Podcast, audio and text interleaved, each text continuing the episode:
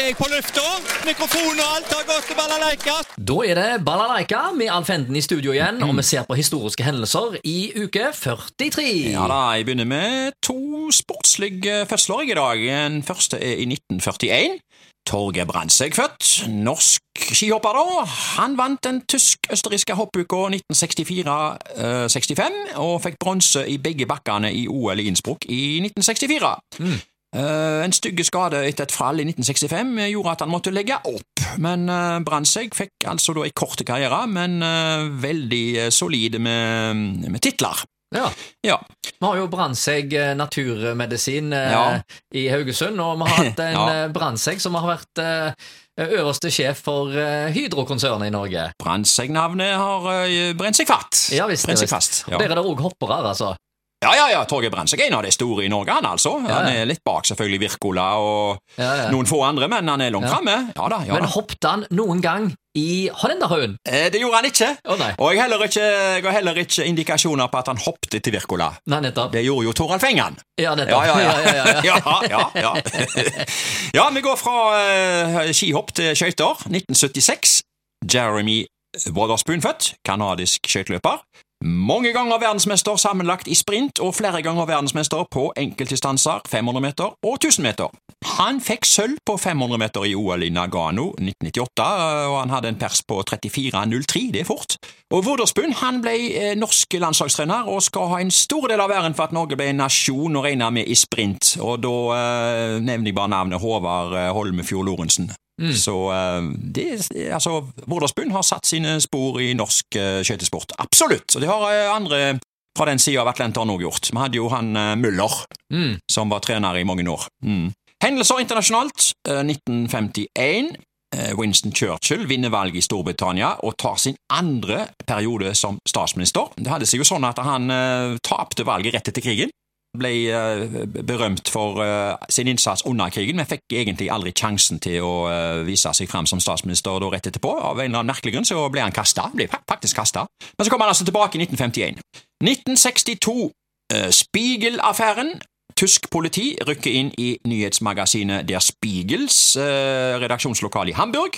Vesttyske myndigheter hadde mistanke til journalister og redaktører i Der Spiegel som landsforræderi. Ja, dette var jo eh, helt i starten da eh, Dette var, dette var jo rett etter at Øst-Tyskland var stifta, dette da. Det var jo det. Hendelser lokalt. Eh, Kinouke 43. Eh, går ikke så mange år tilbake denne gangen. 2011. På Edda der gikk filmen Tintin. Enhjørningens hemmelighet. Den gikk jo i 3D. Animasjonsfilm. Elleveårsgrensa. Eh, Så gikk filmen Er det Contag Contagion? Contagion. Contagion! ja, ja, ja. ja, eh, thriller med Jude Law og Matt Damon. Vet du hva det betyr? Nei! Nei, det betyr uh, smitte. Altså smittsom. Det er liksom pandemi. Ah, det er pandemi, ja. Ja, ja. Ok, det var en Contagion drama. direkte oversatt blir vel smittespredning. Ok, ja, men det, det var jo liksom forut for sin tid. Dette var 2011. Jeg tenker, Ja. Jo, tenker jo på den pandemien vi har hatt de siste årene. nå. Så den uh, kan de kjøre nå. Ja, den kan de ta i reprise. Og så gikk filmen What's Your Number. Det var en romantisk komedie med elleveårsgrensa.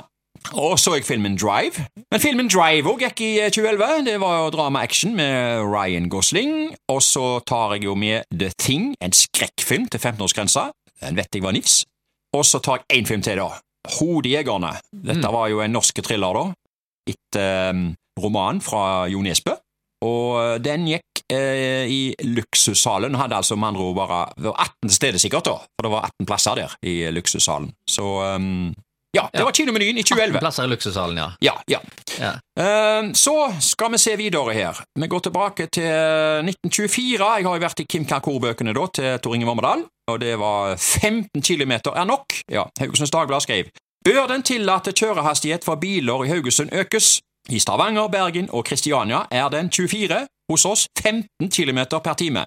På landeveien kan hastigheten økes til 15 km, men dog ikke overstige 35 km i timen. I mørke eller tåke må hastigheten ikke overstige 15 km per time. Vi henvendte oss i dag til politimester Høg Omdal for å få hans syn på saken. Politimesteren var dog ikke begeistret for tanke om økning av kjørehastigheten.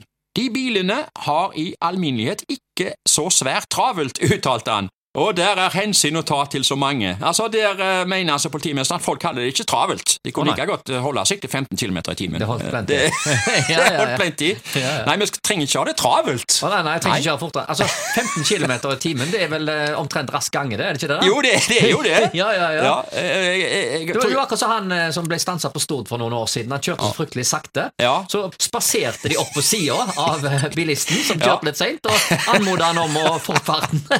ja. Ja, ja, ja. Ja, ja, Da kjører du seint. Ja, da kjører du seint, altså. Men i dag er det jo sånn at sparkesykler fyker jo forbi biler. Ja, det er altså Det- det- Jeg har jo opplevd å bli forbikjørt på innsida av en sparkesykkel eh, i Kamsundgata, faktisk. Ok. eh, Når jeg holder fartsgrensa på eh, rundt 50 km i timen, og suser en sånn en elsparkesykkel forbi deg på innsida. Han må jo ha holdt eh, 70-80 km i timen. Det må jo være blodtrimma. Ja, ja. Overlading. Overlading, Eller en kortslutning, vet jeg. ikke. Vi tar en sak til. 1939. En morsom sak det er jo. Høye hatter på kino.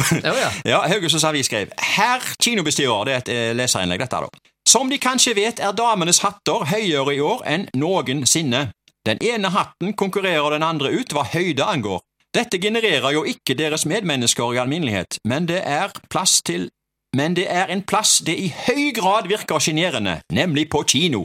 Jeg kunne være fristet til å spørre om man går på kino for å beundre en damehatt i en og en halv time.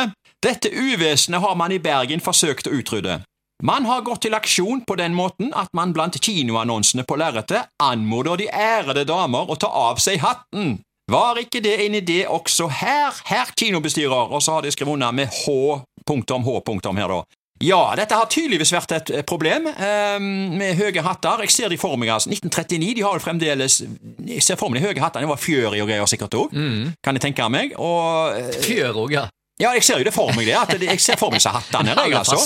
Men altså, at de sitter inne med høye hatter på kino Nei, det er galskap. eh, Jeg skjønner ikke, jeg skjønner ikke de, hvorfor de gjorde det. De burde jo absolutt tatt de av seg av, eh, jeg, av, Det- det er av behagelige hensyn òg, Det sin er lov å bruke Ja. sunn fornuft og tenke litt på andre. Jo, men jeg tenker på seg sjøl sitte inne med svære hatter Ja, i halvannen time. Nei, de skal pynte seg.